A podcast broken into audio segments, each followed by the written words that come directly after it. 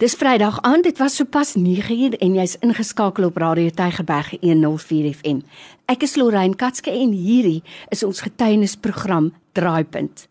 Onthou Draaipunt word weer herhaal op 'n Sondagmiddag 06:30. Dis vir my 'n opwindende tyd van die week, want ek het die voorreg en ek noem dit 'n voorreg om elke week te luister na die getuienis van iemand wat net weer vir ons kom bevestig. Ons dien 'n God wat lewe, maar meer is dit, 'n God wat betrokke is in die fynste besonderhede van ons lewe. Nou by my in die ateljee vandag het ek vir Anton Loupsher.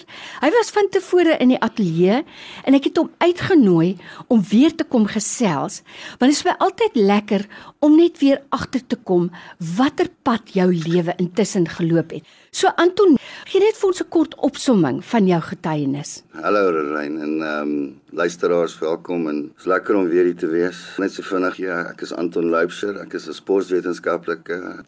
Ek is 'n voormalige wêreldkampioen in kickboxing en verskeie ander style in Suid-Afrika ook en dan het ek ook vir Suid-Afrika tennis gespeel.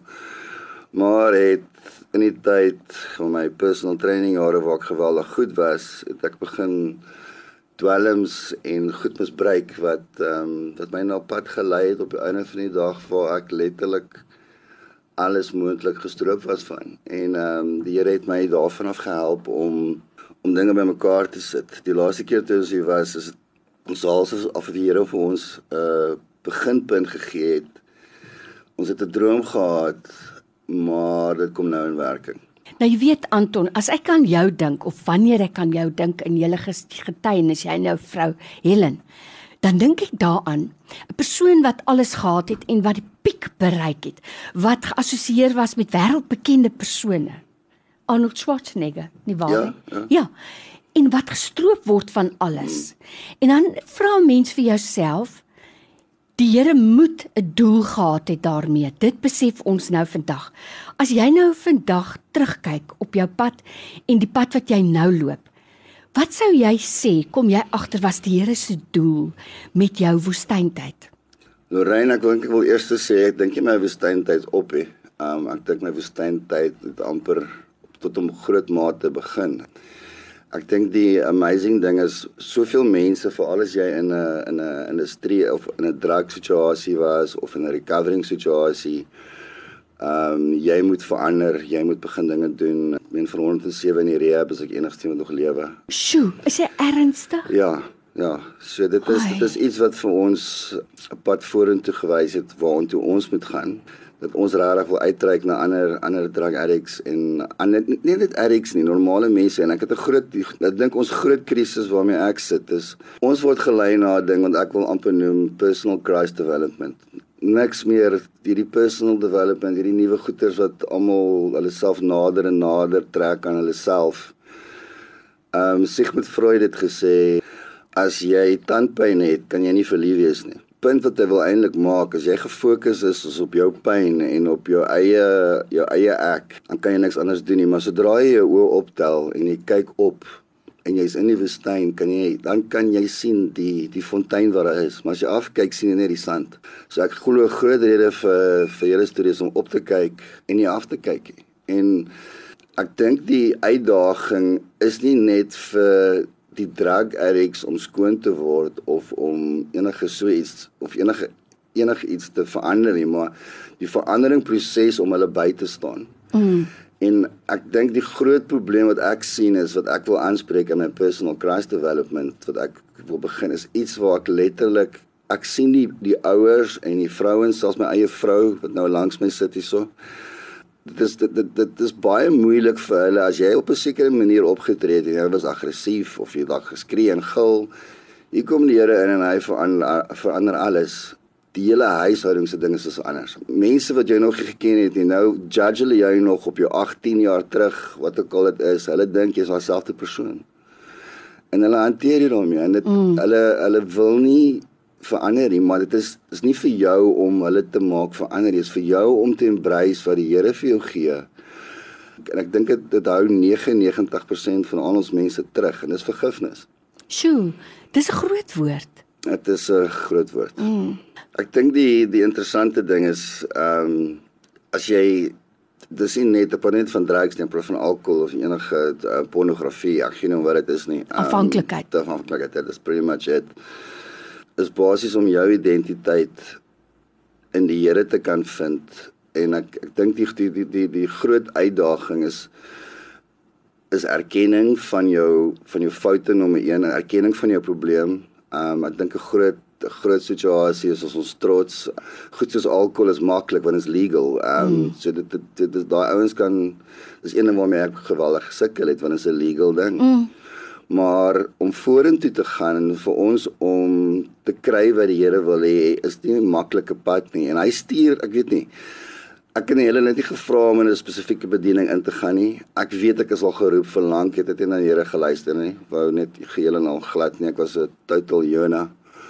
Jy weet baie van ons ons ons werk, ons almal is ons ons het ons ook ons eie besighede waarmee ons mense help ook en so aan, maar die hardste en die moeilikste ding om te maak is nie 'n suksesvolle besigheid nie, maar 'n suksesvolle familie die groot ding vir my was nie eintlik die hoeveel ander mense ek bereik nie, maar dit is dat my eie vrou na my kyk en verwag soms dat ek nou gaan explode or something en dan gebeur dit net nie.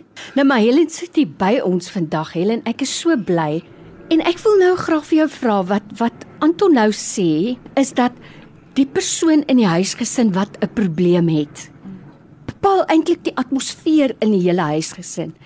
En nou ewe skielik vind hierdie persoon die Here en hy kom en sê ek het verander. Is dit vir 'n mens aanvanklik moeilik om dit te glo en te vertrou? Is daar 'n bietjie van 'n trust issue?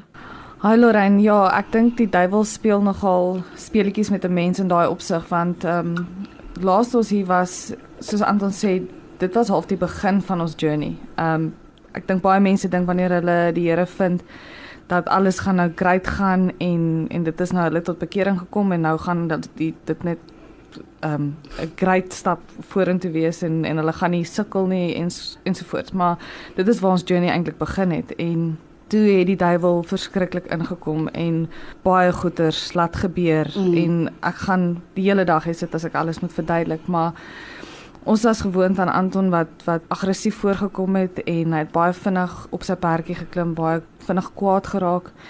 En ek en die kinders het half draaie om hom gestap in die huis en geseker seker gemaak alles moet reg wees want net nou gelinskree hy weer of so iets. En hy het net daai draaipunt het gekom en hy het net heeltemal verander. En partykeer dan is ek nog in die huis en dan sal ek iets doen en dan dink ek o, jete wat gaan hy nou sê dan kom hy uit en hy hy's rustig en en dan hou ek bietjie my asem op en dan gaan hy aan en en dis dis verby en en die duiwel sit daai gedagtes in my kop nog van hy gaan gil, hy gaan skree, hy gaan kwaad raak. Ehm um, maar en dit gebeur net nie. So daai vrees bid ek nog aanhou dit na die Here daai vrees sal wegvat van my dat ek net kan in gemak lewe want dit bepaal die die energie in die huis en baie keer as ek so nervous raak dan bepaal ek weer die energie dan maak ek weer die energie negatief in die huis. So wat ek vir vrouens ook daar buite wil sê is baie vrouens is is baie vinnig om hulle mans te los en ek encourage glad nie 'n bese verhouding nie, maar moenie te vinnig wegdraai nie. Bid eerder vir jou man en kry hom by die Here uit. Kry hom en die Here bymekaar uit. Kry jou by die Here uit en dit is amazing om te sien hoe dinge begin verander. Dis ek kan dit aan niemand verduidelik nie. Hulle moet dit self beleef. Jy weet Helen, iemand het eendag gesê om te vergewe is 'n opdrag van die Here en dit moet ons doen. Maar om weer te vertrou gaan tyd neem. Ja. So ek verstaan dat dit tyd gaan neem. Maar wie wat is wonderlik in dit wat jy nou sê is om vroue te bemoedig en aan te moedig om aan te hou bid vir hulle mans want weet jy die wonderlike ding wat kan gebeur is nie net ter wille van die kinders nie maar ter wille van die koninkryk daar kan 'n wonderlike nuwe bediening uit voortkom. Ja so dit is Anton en Helen Loufser wat vandag hier by my is. So ek wil nou vir jou vra ten slotte. Hier's dalk nou iemand wat na ons luister en ek hoop van harte Ek vertrou die Here dat hy die regte mense stuur om vandag te luister. Miskien 'n man wat in die huis soos 'n woestaard is. En hy sê vir homself, dis maar hoe ek is. Ja, ek fight al vandat ek 5 is. Ek's groot gemaak deur 'n koevoetpa. Ek ken van skiet, ek ken van beklei, ek beklei al van ek 5 5 is 'n sukses. So dit is maar helfte van my probleme is opgelos deur of te beklei fisies of argumenteer. Ehm um, die groot ding wat die Here vir my gevra het is om Helen, my vrou, eerste te stel na die Here obviously, eerste Here dan sy ehm um, maar dat ek haar nie liefhet soos my vrou nie, maar soos my dogter. Wow. En as ek kyk hoe Jesus kyk na sy dogter en sy prinsessies, hy kyk na hulle en hy maak seker hulle het alles wat hulle nodig het. Dis asof die Here my hele natuur gevat het en verander het en dit onregtig net by by sy voete te staan sonder kinders, sonder 'n vrou, sonder alles, wie is ek? Mm. En dan om te besef ek was niks. En nou dat ek by die Here is, dit bring lewensvreugde en mm. waar ons altyd sukses nagestreef het, nou sien ons wat is sukses? Dis om ander mense te help suksesvol wees. En daaruit create ek my my my daaglikse oomf, my my mm. my aan die gang. Ek mm. ek love dit om mense te sien verander. So jy is 'n uh, kind van God, 'n nuwe creation. En wat ek vir die luisteraars wil sê, as niemand ooit al vir jou toestemming gegee het om suksesvol te wees nie, dan vandag gee ek jou toestemming wat hierdie boodskap hoor om suksesvol te wees. Mm. En ek bid hierdie oor julle. En as jy dit vat, is dit joune, maar jy mag suksesvol wees. Baie baie mense wat nou na ons luister, het nooit groot geword met woorde van 'n affirmation nie. So baie dankie vir daai woord. As jy nou iemand is wat met julle wil skakel, dis Anton en Helen Loupser wat hier by my in die ateljee is. Is julle bereid? Is sal julle dan vir ons 'n selfoonnommer gee? Ehm um, ons albei wil definitief ons nommers gee. Ons gaan help met mense om besigheidjies op te bou van grond af. Ons help mense emosioneel ek wil graag op stage kom. Ek wil mense my storie mm, vertel. Mm, mm. Ek wil by kerke en skole kom waar ek vir mense kan vertel en vir ouens kan waarsku want daar's 'n baie simpel ding. Ek het in met standaard 8 het iemand kom praat oor 'n drunk addiction by ons skool en ek het nog gedink ek sal gelukkig nooit dit wees nie. Jare later toe onthou ek hierdie gesprek en ek onthou sy woorde. Hy het gesê iemand in hierdie in hierdie saal gaan hierdie woorde onthou. Wow. So my nommer en ouens asseblief, julle kan my skakel. Ek's op WhatsApp, op Telegram. Myne is 084 319 4260. Ek sal meestal met mans werk, so weer eens 084 319 4260. Helen kan haar nou gee. Ja, as enige vrou my wil kontak en ehm um, hulle is meer as welkom. My nommer is 071 4911 748. Ek herhaal 071 4911 748. Helen en Anton Loupser, ons gaste vandag. My gebed is Anton, dat die Here vir jou daai begeerte van jou hart gee, want ons het dit nodig. En Helen vir jou ook, dat die Here vir jou vrouens sal stuur wat jy weer kan leer om hulle regmatige plek in die samelewing in te neem. Die Here seën vir julle en ek gaan ook ons luisteraars vra om vir julle te bid. Dankie dat julle ingekom het. Dankie Lorraine. Groot plesier en baie dankie dat jy kan wees. Dankie luisteraars.